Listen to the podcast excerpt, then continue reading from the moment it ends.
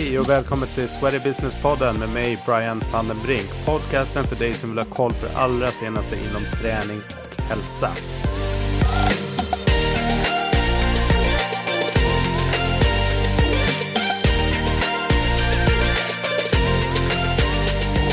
Så du säger hej och välkommen Susanne Gidesten. Tack så mycket. Härligt, hur är läget? Det är bra. Ja.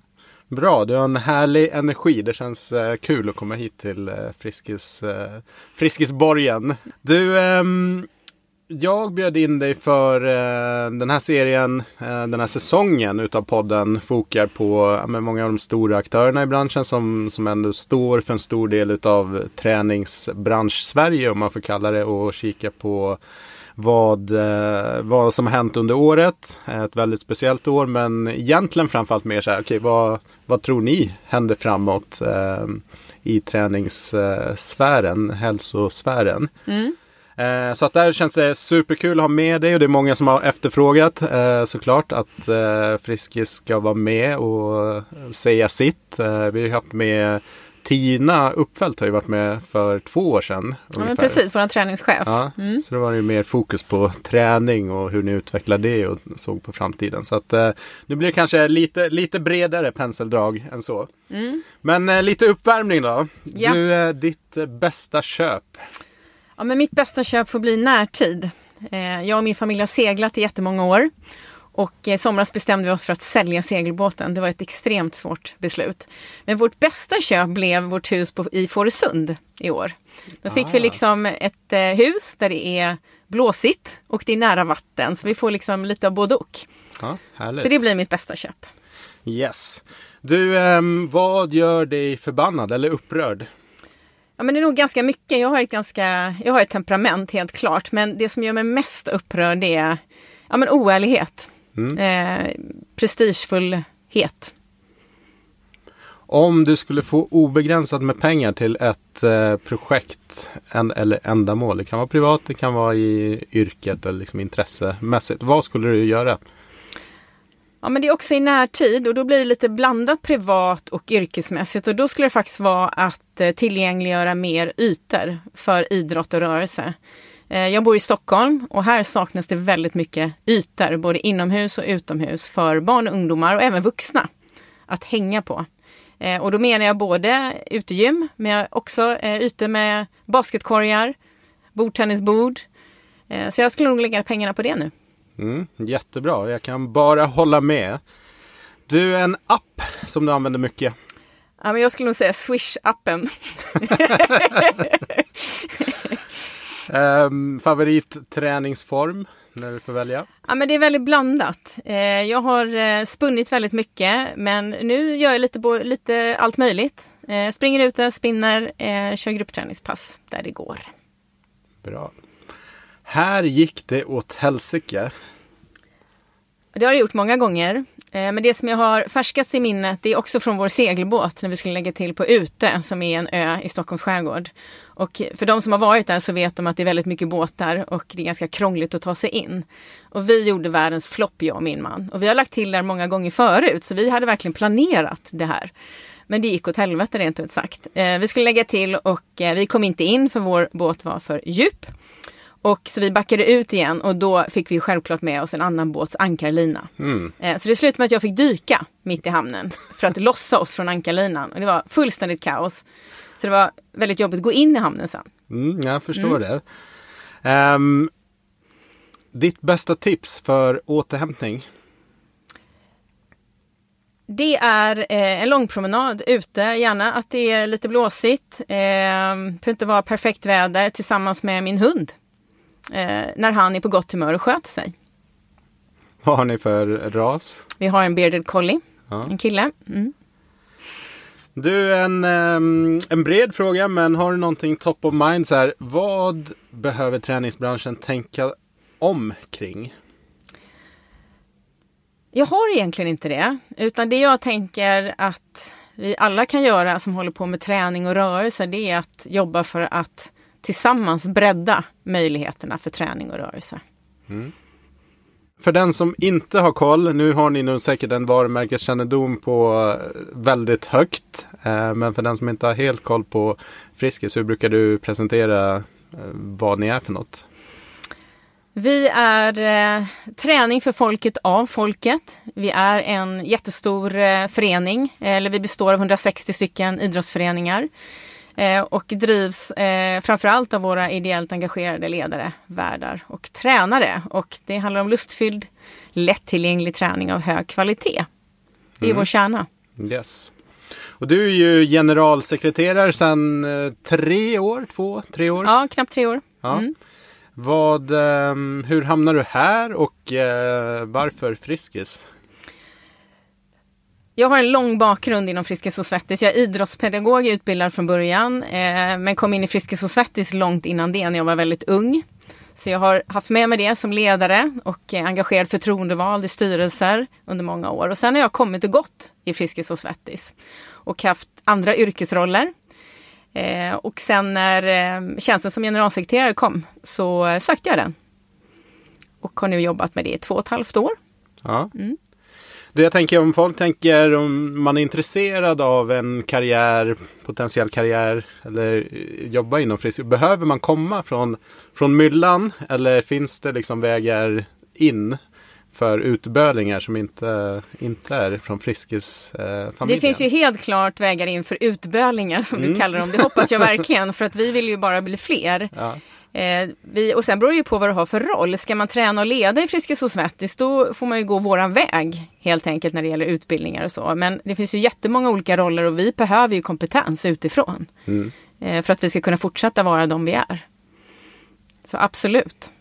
Yes. Och jag brukar fråga alla kedjorna, liksom, vad, vad är er positionering på marknaden? Vad vill ni vara och vilka vill ni nå? Ja, men vi vill ju vara eh, träningen för alla, det är ju våran grund. Man ska kunna komma till oss till en schysst lokal med bra kvalitet på utrustningen, man ska få ett bra bemötande och en, eh, ja, men en träning som man vet funkar. Så att eh, någonstans skulle jag väl kvalificera det någonstans i mittfåran. Eh, träning för många. Mm. Eh, vad är mest utmanande i din roll som generalsekreterare inom organisationen? Ja, men det finns ju massor med olika delar i det. Det här året som har varit, jag tänker vi kommer prata mer om det, har ju varit extremt utmanande. Ehm, för oss handlar det ju om att vi är eh, ett gäng föreningar som ska samverka och samarbeta över tid. Och det har massor med olika delar eh, som handlar om samordning, om handlar om att hitta gemensamma vägar.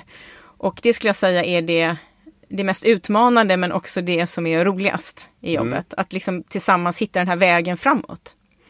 Vi är ju inte en koncern där vi kan fatta ett beslut och sen ska alla följa det beslutet utan vi jobbar dynamiskt tillsammans framåt.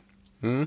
För ni har ju riksorganisationen då som, som jag antar är här på huvudkontoret och hur, hur jobbar ni egentligen? Vart, vilka forum träffas man och, och beslutar om saker? Ja, men vi är ju i form av en idrottsförening så vi fungerar ju precis som eh, ja, men föreningar gör eller andra liknande organisationer där vi har en, en årsstämma varje år helt enkelt, precis som alla idrottsförbund till exempel tar. Och på den årsstämman så bestämmer man Friskis och Svettis Riks, det jag ansvarar för, vårt huvuduppdrag, vad det vi ska syssla med och våran styrelse. Och sen så har vi på Riks att jobba efter det. Och vi har ju några uppdrag som har varit över tid och det är att vi ansvarar för vår träning och vår träningsutveckling, vår utbildning, vår kommunikation och stöd till våra föreningar, men också våra gemensamma samarbeten, IT och webb. Så uppdraget har över tid varit i stort sett likadant. Det har förändrats de sista åren till att utökas till lite fler saker. Men det, det blir upp till beslut eh, varje år. Och sen har vi sedan några år tillbaka en gemensam strategi som vi jobbar med i hela Friskis och Svettis. All right.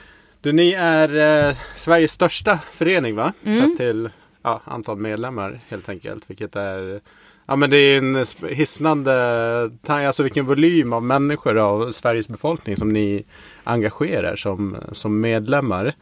Hur eh, känns det som en, eh, vad ska jag säga, ett tungt ansvar eller känns det som en lyx? Eller hur ser ni på den eh, liksom, rollen som ni har i samhället och kring folkhälsa? Jag tänker att vi, vi har en väldigt bredd på vår verksamhet. Vi har väldigt, väldigt stora föreningar som Stockholmsföreningen eller Göteborgsföreningen. Sen har vi väldigt små föreningar med bara knappt 100 medlemmar. Så vi har en väldigt bredd på vår verksamhet. Men jag tänker också att vi har ett stort ansvar i att vara stora och många. Och det skapar också möjligheter mm. eh, för oss att kunna ja, men jobba med det uppdraget som vi har i huvudsak. Och det är att få fler att uppleva rörelseglädje. Yes. Mm. Nu är man utspridd över eh, hela landet. Det är stort och det är smått. Och det är liksom stad versus land. Märker ni någon skillnad i eh, vad som efterfrågas? Eh, stad kontra mindre städer eller landsbygd i form av, ja men om vi fokar på träning och träningsutbud. Så skiljer det sig? Ja men det gör vi helt klart. Alltså Friskis och Svettis har ju växt dynamiskt och det är ju så det har varit i de olika föreningarna, de olika delarna av Sverige. Och där vi är i större städer eller mellanstora städer så är vi ju ganska stora och ganska många. Vi har flera träningsanläggningar och där finns ju en, ganska, där finns ju en hög förväntan på både våran kvalitet och vårt utbud av våra medlemmar. På mindre orter, där kanske det fortfarande är väldigt mycket gruppträning och där vi är beroende av kommunala hallar för att komma in och kunna liksom erbjuda ett utbud överhuvudtaget. Mm. Så att det skiljer sig åt, men det vi kan se det är att det över tid finns en hög förväntan på det vi ska erbjuda. Eh, och den förväntan blir högre och högre, skulle jag vilja säga.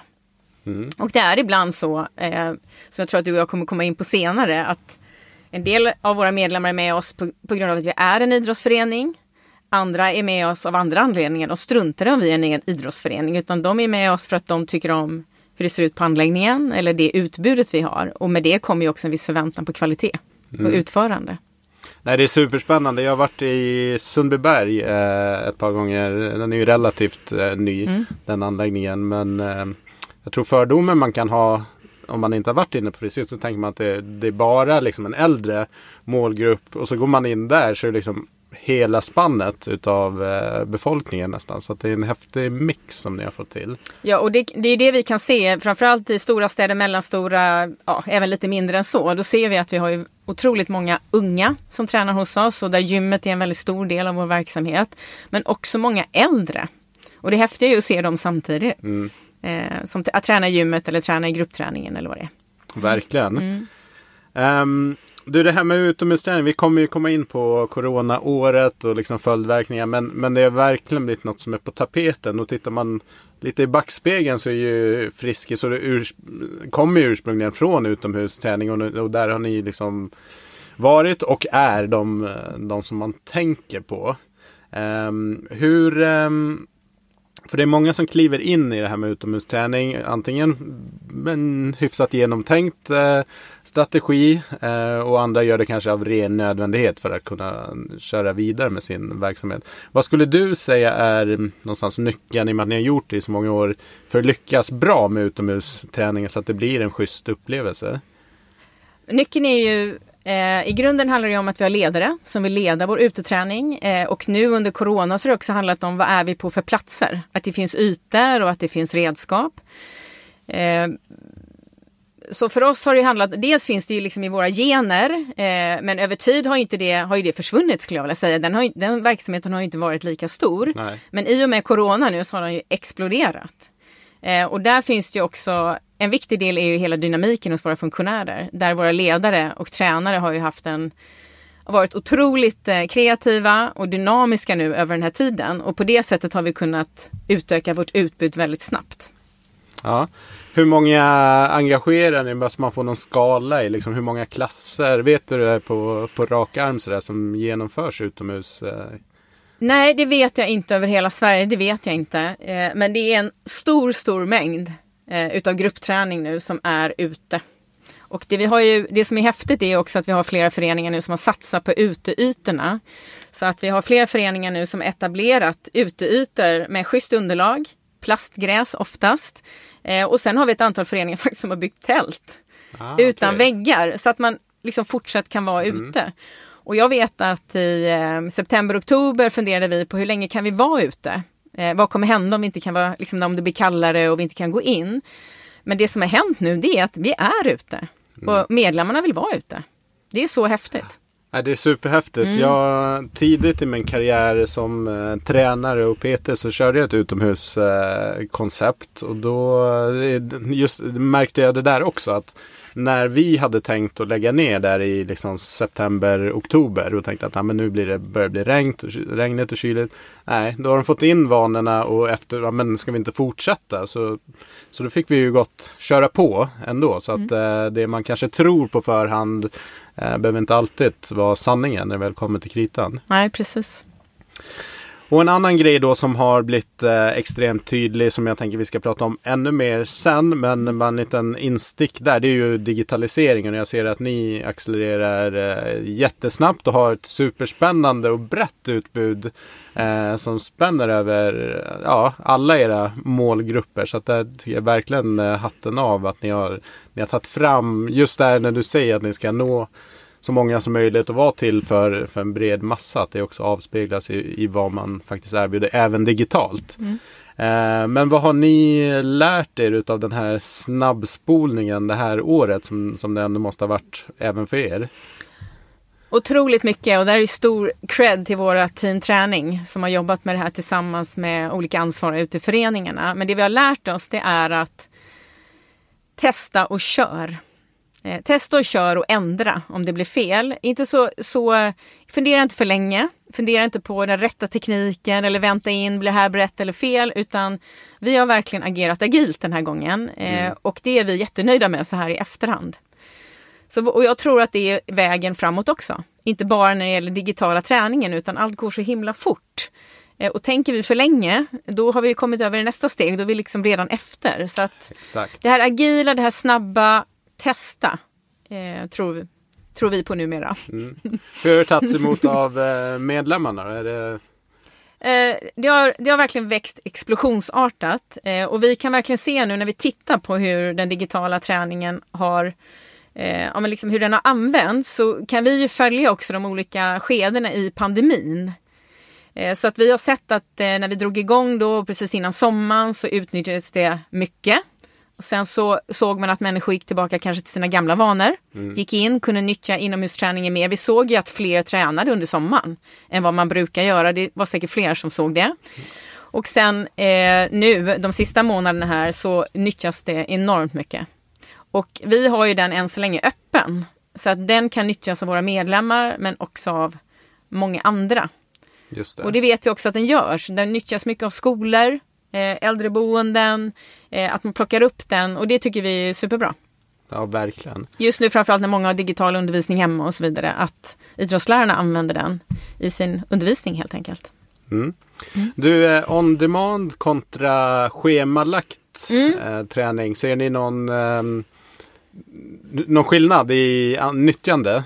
Det som har mest nyttjande det är den eh, vet det, digital träning play, alltså när man själv kan gå in och välja. Sen har vi också haft en del livesändningar här nu eh, under hela december och det är också väldigt uppskattat. Då har vi kört lunchpass och då ser vi att det är väldigt många som är inne och tränar. Så att om jag ska ge dig ett snabbt svar så tror jag att det är blandat. Ja, Mm. ja men det är tänkt för. Och jag tror att det är, ja, men det är intressant att vissa tider och för vissa människor så är det bättre att kunna köra exakt när man vill. Men också att många också vill ha den här tiden. Alltså nu är det lunch, nu kommer jag köra det här passet. Och precis som, som att det hade varit live i en gruppträningssal. Så, så att man eh, ja, får in det i sin, sin rutin. Och ska jag säga till mig själv som inte alls gillar digital träning egentligen men har tränat mycket digitalt nu och gillar det jättemycket. Så kan jag mot slutet känna att ja, men live är ganska roligt för då vet jag att jag tränar med andra. Det blir lite roligare på något sätt. Även om inte jag ser dem så får jag en känsla av att jag ser ändå, här är det 150 med, nu kör vi det här samtidigt. Ja. Det kan ge mig lite lust. Nej men absolut, det är superintressant för man kollar på barnen som växer upp nu. Många sitter ju uppe och liksom gamingindustrin är ju enorm eh, och större än väldigt många andra branscher som har funnits eh, mycket längre. Men just att de har ju det här beteendet med att de är, de umgås Fast de umgås på sina, sina håll och de umgås digitalt. Så att man kanske inte nödvändigtvis ser varandra men man vet att kompisarna är med och så vidare. Så att det blir ändå en, det är ett annat sätt för oss som är vana att träffas fysiskt i det mesta som vi har gjort när vi har växt upp. Så, så är det lite annat eh, tänk där.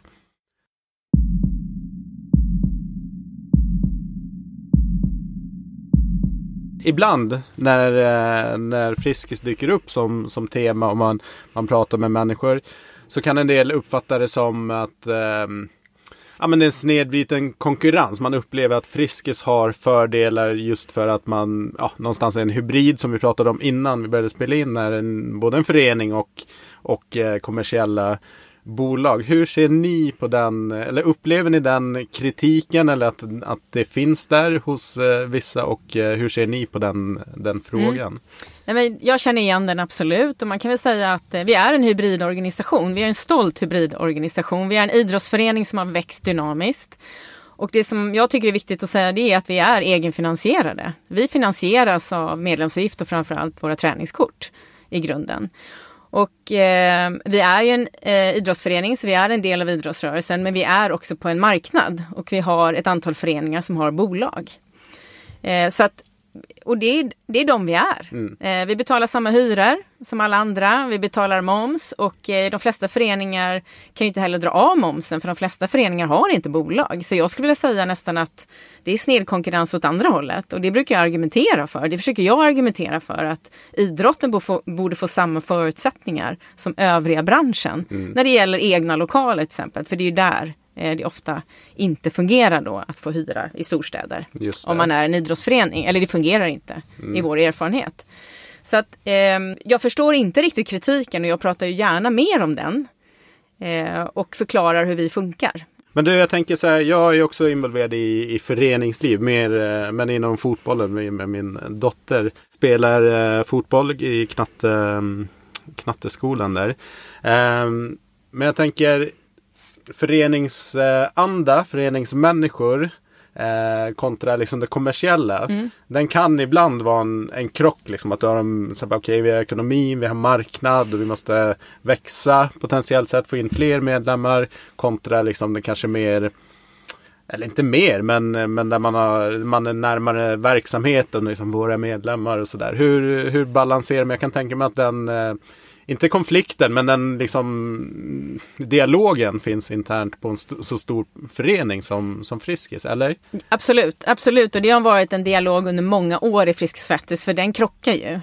Eh, eh, liksom viljan att möta människor och viljan att, att liksom vår drivkraft är att få så många som möjligt att röra på oss. Eller, och det kan de få göra på vilket sätt som helst. Men i slutändan hos oss handlar det också om att vi vill få in medlemmar som köper med, med, medlemskap och träningskort. Eh, och vi måste sälja träningskort, vi måste ha ett schysst bemötande. Vi ska också jobba med merförsäljning och schyssta kampanjer.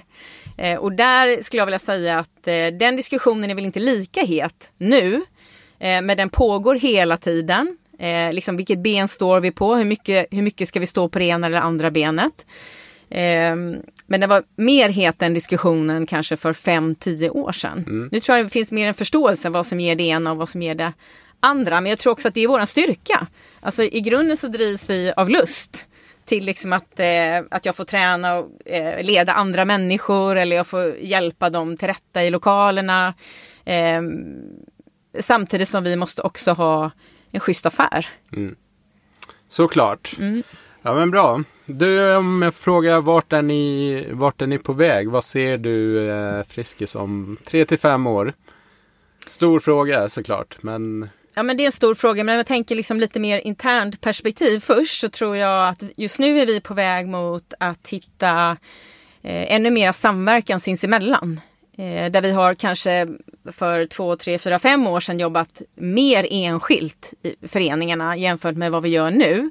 Så jag tror att vi kommer få mycket styrka av att jobba mer tillsammans. Vi kommer eh, på det, möjligt också, på det sättet också få möjlighet att etablera oss på fler ställen med fler träningsanläggningar. Jag tror också att eh, under corona nu så tror jag att eh, många fastighetsägare kommer släppa fler anläggningar. Så jag tror också att vi kommer att eh, men fortsätta utöka med, med fler träningsanläggningar.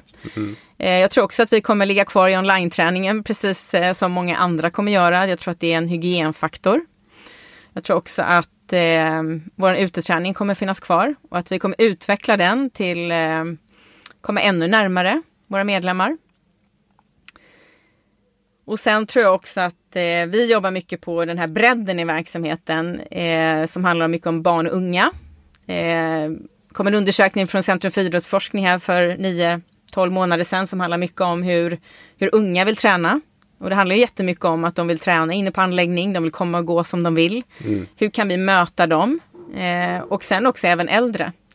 Eh, de här äldre äldre som faktiskt är intresserade av att träna och röra på sig. Eh, och där vi jobbar mycket med seniorklubben och den till exempel då som handlar om att träna och fika ihop. men att också utveckla den verksamheten. Ja. Kanske ett blandat svar. Eh, ja, men... lite olika riktningar. Eh, så. Ja men det ger en, mm. en bra bild. Jag slog mig um, rätt uh, liksom tydligt just det här att för många har diskuterat, okej okay, hur kan vi få fler eh, att hitta till träning? Och man studier då som Ursa gör att runt 25 procent av svenska befolkningen är medlem på någon träningsanläggning. Sannolikt är den siffran lite högre för nu kommer det fler gym på arbetsplatser och bostadsrättsföreningar. Mm. Så att jag tror säkert 30 30-40 procent kanske i vissa, vissa fall. Men det jag, det jag hör på dig just det att tillgängligheten ökar. Dels att man går utanför sina fyra väggar. Det, det är ett utomhusutbud som är annorlunda än det kanske har varit traditionellt. För där är också ribban höjts med att man vill ha utrustning och lite mer bekvämt eh, kanske än, än man kom undan med för ett par år sedan. Men, men också det digitala. Till mm. så kan man nå människor som bor rent fysiskt någon helt annanstans som aldrig kommer kunna ta del av en fysisk eh, lokal. Mm. Så det känns som att eh, hela branschen, nu gör ni de här grejerna men jag ser det hos, hos andra också och vissa kanske gör vissa av delarna men att potentiellt sett så håller vi på att bredda oss på ett annat sätt som inte hade skett kanske om det inte hade varit en kris. I alla fall inte så här fort. Nej, jag tror också det. Det har ju liksom satt lite fart på det, kniven mm. i ryggen. Eh, vi hade ju också jättehäftigt där vi har kört balkongjump under corona för alla, för många äldre, att istället för att de ska komma till oss har vi kommit till dem. Nu är inte jag säker på att just det sättet kommer vara framtiden, men just att kunna komma ut där människorna är mm. på ett enkelt sätt. Absolut. Mm.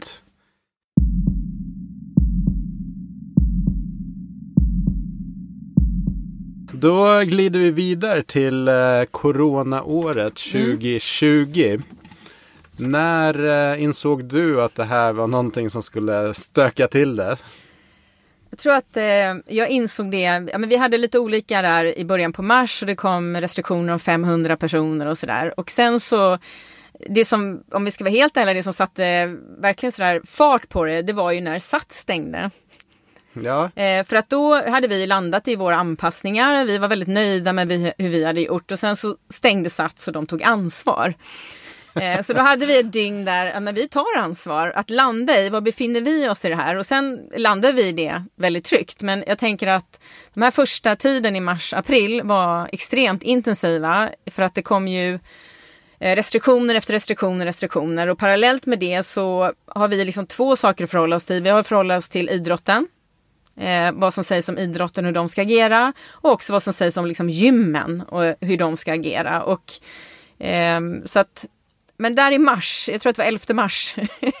eh, och sen så är precis, vi precis som jättemånga andra har ju haft det otroligt intensivt. Eh, många, många möten, vi jobbar ju på det sättet att vi har jobbat på det sättet att dels har vi jobbat här på Riks eh, eh, väldigt intensivt och sen har vi jobbat tillsammans med en mindre grupp större föreningar, större och mellanstora och några små där vi har tagit liksom beslut i stort tillsammans mm. som sen eh, har gått ut som riktlinjer. För att i slutändan beslutar varje förening i sig hur de förhåller sig. Eh, men eh, eh vi har i stort agerat lika mm. hela vägen. Så att, mm. Hur har den här uh, War Room-gruppen, om jag får kalla den mm. då, som liksom mitt inne i när det, när det är som mest, hur, hur ofta behövde ni stämma av? Vi stämde av, War Rooms-gruppen här på Riks stämde av, eh, det är en mindre grupp på fyra fem personer, vi stämde av morgon och eftermiddag, mm. minst i flera, flera veckor. Och avstämningarna med eh, den här gruppen föreningar, det var minst varje dag. Och sen så har vi en intern kommunikation med alla föreningar och det var uppdateringar flera gånger om dagen. Mm. Eh, så att det som är häftigt med det, det är att eh, vi också fick lära oss att vi kunde vara väldigt snabba i kommunikationen. Och jag tycker också det är häftigt att eh, föreningarna ställde upp och kommunicerade väldigt snabbt ut till sina medlemmar. Det är ju en sak om man är en förening med väldigt många medarbetare, som många föreningar är. Men sen har vi ganska många föreningar med ett antal tusen medlemmar som faktiskt drivs ideellt. Och de hade också förmågan att kommunicera på sina webbplatser och snabbt. Så att, vi har lärt oss otroligt mycket om vår egen kommunikation i det här, eh, just för att kunna vara tydliga mot våra medlemmar. Men det kommer ju nya frågeställningar hela tiden. Eh, det tror jag alla känner igen. Ja, nej verkligen och jag tror kommunikation har verkligen varit på tapeten det här och att de som varit duktiga på att kommunicera både internt och externt har också lyckats bra. Eh, för att då man får bort mycket frågetecken helt mm, enkelt. Mm. Eh, men eh, vad var liksom de absolut första pusselbitarna som ni kände okej okay, det här behöver vi få koll på när, när det här slog till? Ja, men det, handlar, eh, det handlar ju om hur förhåller vi oss? Hur, liksom, om vi tänker liksom vår idé, vilka är Friskis och Svettis och hur förhåller vi oss i det här läget? Så att för oss handlar det om att vi, ja, vi följer självklart rekommendationer och riktlinjerna men vi är också för rörelse mm. i den mån det går. Så utifrån de två liksom, linjerna så handlar det i den första tiden väldigt mycket om okej okay, vad gör vi på egna i våra egna föreningar och på våra egna anläggningar. Hur anpassar vi vår verksamhet och hur kommunicerar vi det? Mm. Mm. Tror du eh, att vi kommer få se eh, förändrade eller annorlunda nya kundbeteenden i, i, i spår av eh, det här året? Ja, men jag tror att det finns olika liksom, linjer i det. Jag tror absolut det. Man kan ju fundera på hur våra medlemmar kommer tänka med trängsel och avstånd framöver. En del av Friskis kärna är ju liksom gruppträningen och liksom tight och det kan man ju fundera på om vi kan komma tillbaka till samma mängd människor i lokalerna. Jag tänker också på det här med uteträningen som jag tror kommer finnas kvar. Eh, jag tror också det här med hemmaträning online kommer finnas kvar. Så jag tror att eh, ja, men det kommer vara förändrade beteenden och det gäller för oss som förening också att sätta ihop det eh, i en bra kombination till våra medlemmar. Mm. Eh, sen tänker jag också, som vi inte alls har pratat om, det är ju att vi har en stor utbildningsverksamhet också. Och den har ju verkligen ställts om också eh, enormt mycket eh, under den här tiden. Mer i, alltså inte e-learning men online? Live, ja, jättemycket online. online. Ja. Eh, vi har ju, det finns ju fortfarande ett stort behov av våra föreningar att utbilda ledare och tränare. Och där har det också gått upp och ner hur mycket vi kan träffas fysiskt. Men där har vi, vi har ju haft digital eh, onlineutbildning tidigare också men där har vi gjort eh, jättestora omställningar och lite på samma tema som online-träningen där vi har testat oss fram. Mm. där vi har haft hela kurser online. Eh, ja, så där har det också skett en enorm omställning. Ja, nej, det är verkligen en, ett eh, testlabb och jag är helt enig med dig att man måste doppa tårna och våga vara lite mer experimentell än tidigare. Såklart underbyggt av någon slags eh, tes eh, så, men jag tror att de, de som kommer lyckas bra, det är de som är snabba på det och vågar prova och också vågar dra, dra sig ur saker som, som kanske inte blir så lyckad. Precis, för jag tror också att eh, det som är viktigt, eller som viktigt men också svårt, det är att liksom behålla sin kompass. Mm. Vilka är vi? Vad är det vi tror på? För det är ju lätt att man, vi pratar mycket om mötet, vi tror mycket på det personliga mötet och hur mycket kan vi gå ifrån det? Eh, både när det gäller vår träning och när det gäller vår utbildning. Och det är också där att många föreningar vill gärna ha utbildningen lite snabbt och lätt. Eh, hur kan vi tillfredsställa det? Mm. Eh, vi kan inte alltid göra det för vi tror på en mer gedigen utbildning. Så att, jag tycker också att det har varit skönt att ha sin kompass i Frisk Svettis men det har varit ganska svårnavigerat över ja. tiden. Ja men jag håller med och, och just där kring utbildningen med att jag också är involverad i utbildningssidan i ett annat företag så kan jag också uppleva det att man vill ha det lätt och snabbt. Eh, och precis som du säger att jag tror personligen på, på en, en gedigen utbildning. Alltså att det är som lite lättfångat, lätt förgånget också. Att det blir kanske lite för light eh, i vissa, vissa fall också. Så att eh, det är en utmaning. Dels ny generation men också kanske att folk tänker ibland när det ska vara online eller mer digitalt. Att man då tänker att det kan vara lite mer light på något sätt. Mm. Jag tänker på träningsanläggningar. Um, sett till det som har hänt det här året. Tror du att det kommer påverka hur man designar eller hur ni tänker kring um, utformning och vad som finns i framtida faciliteter eller hur man uppdaterar befintliga? Men det är lite på samma tema som vi pratade om innan. Det jag kan fundera på, dels handlar det om hur vi möblerar våra ytor. Eh, tror jag vi ska fundera på. Kanske storlek på salar eh, i förhållande till antal människor inne i salarna. Eh, jag tror också man funderar kanske på vilka ytor vill man ha som anläggningar. Eh, jag tänk, för när man har gått igenom en sån här pandemi så vet man ju också vad det innebär att ha en sån stor anläggning över lång tid som man mm. oftast har. Man kanske vill vara mer rörlig och dynamisk när det gäller eh, att släppa anläggningar och ta nya anläggningar. Så att eh, jag tror också att man kommer ha kvar stora anläggningar men jag tror också kanske att man börjar titta på andra alternativ mm. framöver. Fortsatt väldigt nära våra medlemmar. Yes. Vad, eh, om du ska ta med dig någon, någon eller några lärdomar så här mitt i pandemin men ändå som du kan säga att okej okay, det här det här jag med mig ut ur 2020 i alla fall. Ja, men det ena är det här att våga testa eh, och köra och ändra om det inte blir bra. Det andra är att eh, verkligen bolla, eh, jobba dynamiskt eh, med de du har nära och för oss är det också med ett antal föreningar för att då eh, kommer vi ofta fram till bra grejer. Så lita på kompassen, eh, vila i den. Mm. Vad är våra grunduppdrag? Vad, vad är det vi är till för?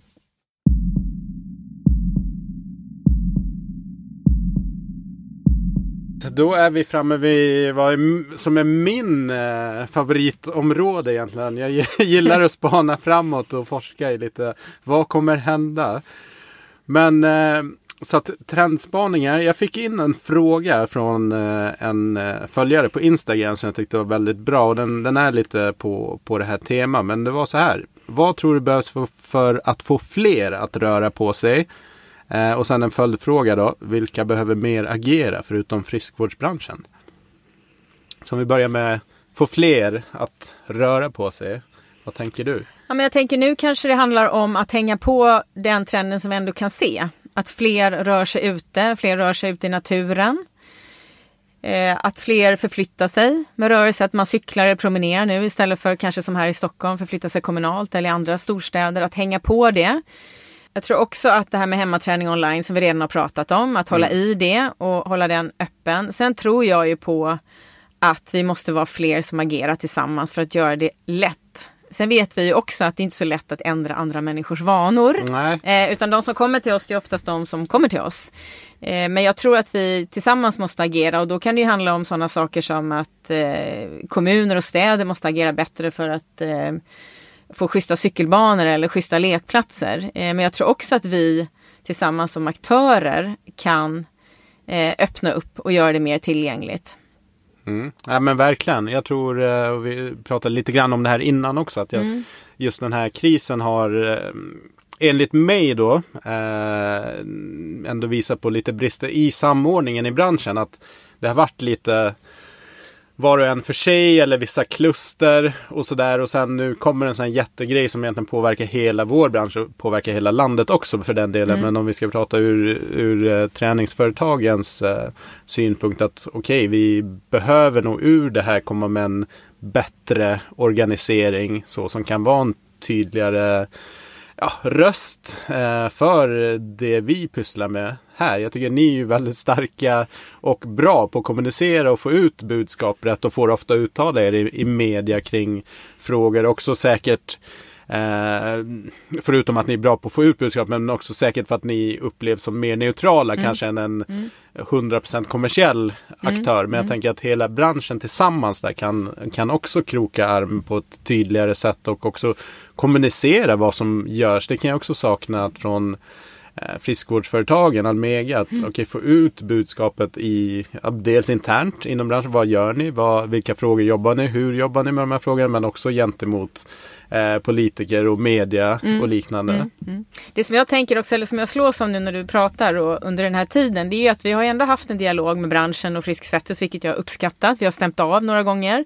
Men det jag tänker är också att det har ändå varit, tycker jag, i media kring gymmen.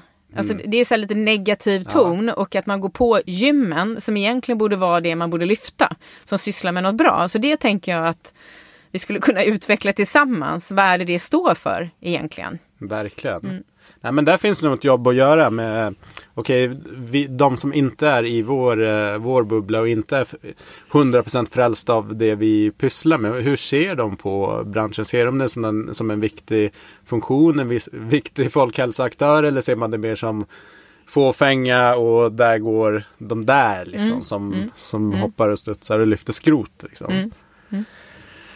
Eh, men eh, träningstrender, hur, vad ser du Friskis? Ni släppte ju nyligen en, eh, en trendrapport för 2021 där det fanns massa spännande men du kanske kan plocka ut någonting där. Vad tror du att folk kommer efterfråga och hur kommer man bete sig?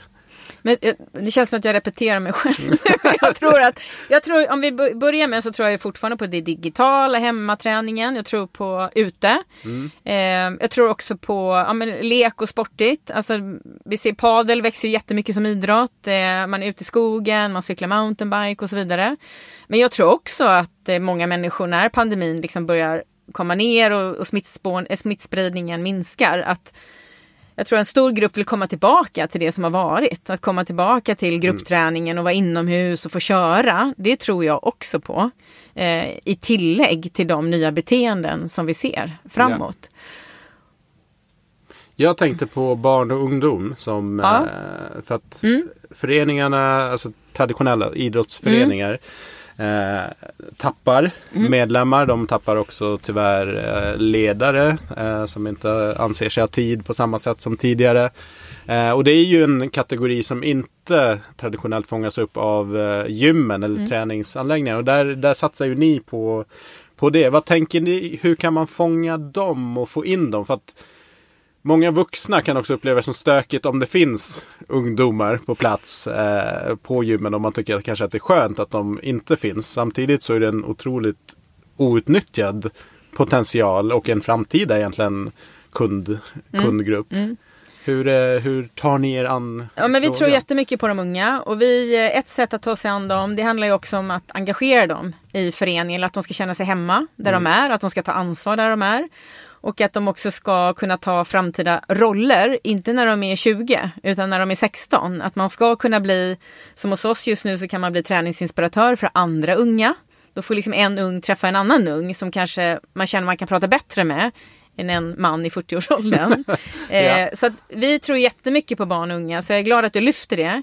Det är någonting som vi kommer jobba jättemycket med framåt och jobba redan nu med jättemycket. Det är en stor grupp som redan tränar hos oss och som vi är måna om att ja, men fånga in. För jag tänker att de får träning och de får ett sam, sam, liksom en, en samhörighet, men de kan också få en schysst erfarenhet av att ta ansvar i en organisation i olika roller. Verkligen. Och vår förhoppning är att vi, för vi ser ju precis som du säger vid 14, 15, 16. Många gånger är det då de kommer till oss för att det är då de släpper den ordinarie idrotten. Och de kan komma till oss mer kravlöst. Eh, och, och, och det är på det sättet vi vill försöka fånga upp dem i vår verksamhet. Mm. Kan de träna fritt hos alltså typ som en vanlig medlem eller fångar man upp dem i typ kurser eller specifika pass? Att okej, här är Både- ungdoms... Eh, både, eh, för de äldre ungdomarna då kommer de fritt och tränar och då sen kan vi fånga upp dem genom eh, träningsinspiratörer eller annat. Eh, men sen så har vi också för de som är lite yngre, då har vi specifika. Ja, men det är både fyspass och andra träningspass. Eh, så, så egentligen kan de göra lite olika. Ja. Mm. Och sen har vi den andra änden, äldre äldre, om vi får kalla dem. Mm. Ehm, hur jobbar ni där och vad tänker ni kring den Vi eh, tror, att, vi tror att, eller vi ser att det är en jättestor grupp. Det är en grupp som växer hos oss. Eh, vi, har, eh, eh, ja, men vi har äldre äldre som faktiskt aldrig har tränat som kommer till oss och tränar nu. Och där är det likadant att, att försöka fånga upp de människorna och liksom engagera dem i föreningen. Eh, vi har ju utbildade tränare som leder dem, men sen har vi också hittat former, som jag tror jag nämnde inledningsvis, kring någonting som vi kallar seniorklubben. Där äldre leder andra äldre eh, i lite lättare utbildningsform, lite mer konceptaktigt. Mm. Eh, och där det grundar sig på, ja, men man får schysst träning, liksom bra träning i förhållande till åldern, ja, med sitta och stå och, och ligga på golvet och så vidare. Och också att det är samhörighet med någon sorts fika eller någonting efteråt. Så det är ett sätt Mm. eh, som vi jobbar med. Och eh, nu försöker vi också jobba, att, vi jobbar tillsammans med Röda Korset för att nå ut till äldre hemma, där de har många volontärer som är, så att vi försöker jobba brett, men vi tror just om vi pratar till de vanliga Friskisföreningen och anläggningarna så ser vi att det är en grupp som växer och som verkligen vill träna. Ja, verkligen. Mm. Och sen kommer det ju lite yngre äldre då, som har träningsvana som kommer bli den kategorin. Ja. Så att efterfrågan kommer ju bara, sannolikt bara öka över tid. Behoven finns ju garanterat där men det gäller ju också att hitta dem med rätt typ av koncept och, och mm. paketering. Och där jobbar ju vi med något som vi kallar soft och vi jobbar också med stolsträning eh, till den gruppen. Det var både för yoga och lite mer gympaaktigt. Mm. Mm. Är det några nya kompetenser som ni ser kommer behövas i branschen? Kan ta dels liksom som backoffice, som support till, till organisationen. Är det någon ny, ny typ av kompetens som traditionellt sett inte har funnits i träningsbranschen? Och sen kan vi ta på, liksom, på anläggningar. Kommer vi behöva hitta nytt?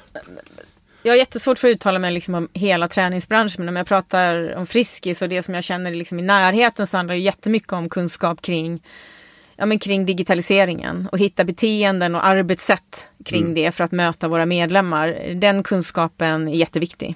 Eh, och det är ingen kunskap som vi har haft över lång tid. Nej. Så den tror jag jättemycket på.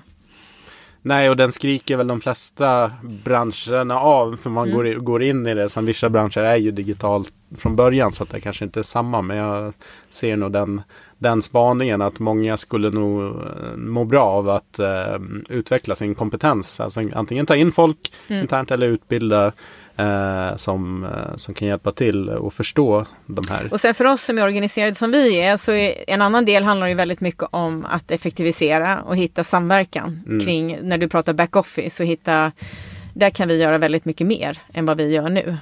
Yes. Mm. Var hämtar eh, du och då menar du och Friskis inspiration till eh, nya koncept, eh, ny, nytt utbud, Ja.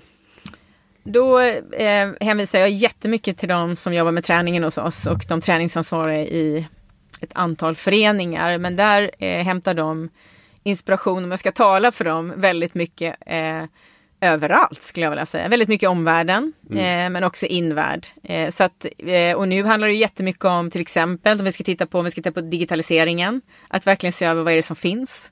Eh, hur jobbar andra? Hur ska vi jobba? Eh, och sen handlar det om ja, vad händer framåt i träningen. Så att eh, så skulle jag säga. Mm. Eh, för min egen del hämtar jag jättemycket inspiration i, i samtal med andra. Yes. Skulle jag säga. Ja men bra. Du, eh, vi närmar oss eh, slutklämmen. Jag har bara två frågor kvar. Eh, om man vill följa dig i ditt arbete med Friskis, vart gör man det lättast då? Eller bäst? Då kan man göra det på Instagram eller på LinkedIn jobbar jag ganska mycket med. Mm. Eh, Susanne Gidesten eller Susanne Gidesten understreck Friskis. Yes, jag länkar dem i avsnittsbeskrivningen mm. så ni kan klicka in där. Eh, jag följer ju dig framförallt på LinkedIn. Eh, mm. Så att där kommer det mycket, mycket inspiration och liksom tankar, kloka tankar. Eh, tycker jag. Du, eh, favoritlåt att träna till, om du nu tränar till musik. För jag tänkte att vi skulle rulla ut till någon mm. eh, härlig stämningsfull Jag tränar musik. helt klart till musik. Jag är, jag, jag, musik är jätteviktigt för mig. Eh, men jag är väldigt dålig på, och jag leder ju själv pass, jag sätter ihop egna pass också. men jag är väldigt dålig på att komma ihåg låtar. Men eh, en, ja, då föreslår jag Fandango. Ja. Med Le Cheval, för där har jag, eh, inte för, jag har schyssta minnen från Svettisdagarna i Globen. Vi hade ett stort event där. Ja. Eh, våran intro eh, till den låten. Då får jag en skön känsla om den finns med när jag tränar. Härligt, då rullar vi ut till den helt enkelt. Du Susanne, stort tack för att du tog dig tid. Tack så jättemycket för att jag fick vara med.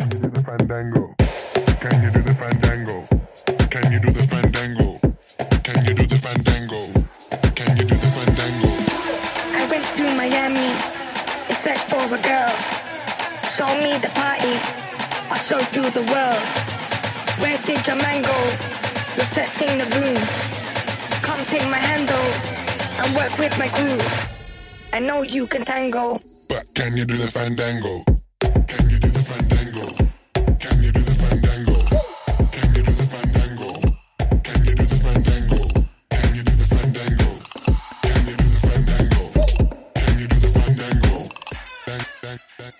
Tack för att du lyssnar på podden. Vi skulle bli jätteglada ifall du hade lust att lägga en liten rating på iTunes så att vi kan nå ut till fler. Häng gärna med i vardagen på sociala medier, Facebook, Instagram, LinkedIn, Sweaty Business. Alternativt på vår hemsida sweatybusiness.se.